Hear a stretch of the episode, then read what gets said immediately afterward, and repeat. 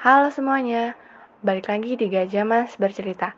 Kali ini aku bakal ngebahas tentang friendship atau pertemanan. Kalau kita ngomongin tentang pertemanan, kayaknya sih nggak bakal ada habisnya ya. Hmm, kalian pernah gak sih ngerasa makin bertambahnya usia, teman tuh jadi cuman itu-itu aja. Makin ke sini juga mulai ngerasa nggak nyaman punya banyak teman. Udah mulai ngerasa ada benci-bencian, ada bercanda yang kelewatan, ada yang iri sama apa yang kita punya, ada yang bermuka dua, dan masih banyak lagi. Gak apa-apa kok kalau kamu ngerasa gitu. Biarin aja lingkaran pertemanannya tetap kecil.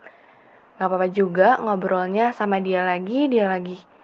Yang penting, di depan mereka kita bisa jadi apa adanya.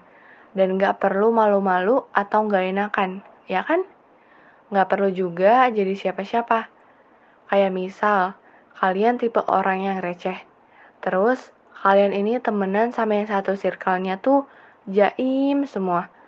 Pasti kalian bakal ke bawah gak sih lama-kelamaan buat jaim juga?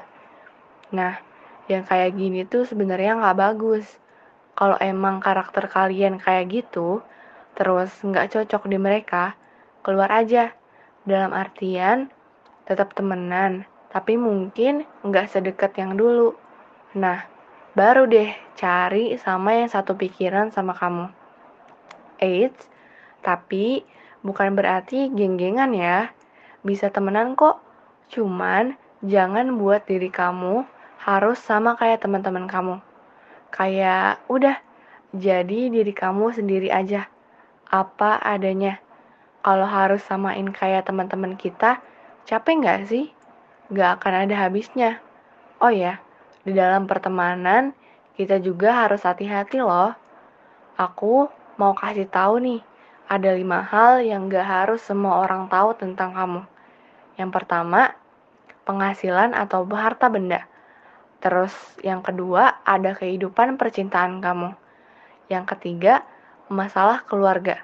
Yang keempat, rencana masa depan. Dan yang terakhir, itu ibadah atau kebaikan kamu. Cukup lima hal itu aja yang harus kamu jaga.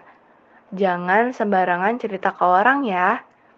Tapi, kalau misal kalian mau ceritain tentang itu ke teman kamu, nggak apa-apa kok. Balik lagi ke kamunya gimana. Aman gak ya cerita ke dia? Atau aman gak ya cerita ke mereka? Kan biasanya ada yang mungkin kalau udah diceritain ke temen, rasanya tenang dan gak kepikiran lagi. Gak apa-apa kok, itu hak kamu. Terus yang terakhir, dari pengalaman tentang friendship, banyak banget pelajaran yang bisa kita ambil. Gak semua orang yang kamu anggap baik itu benar-benar baik. Harus bisa memilih dan memilah. Biar orang nggak semena-mena dan menganggap kamu gampang. Oke? Okay? Segitu aja. Terima kasih. Sampai bertemu di podcast selanjutnya. Bye bye.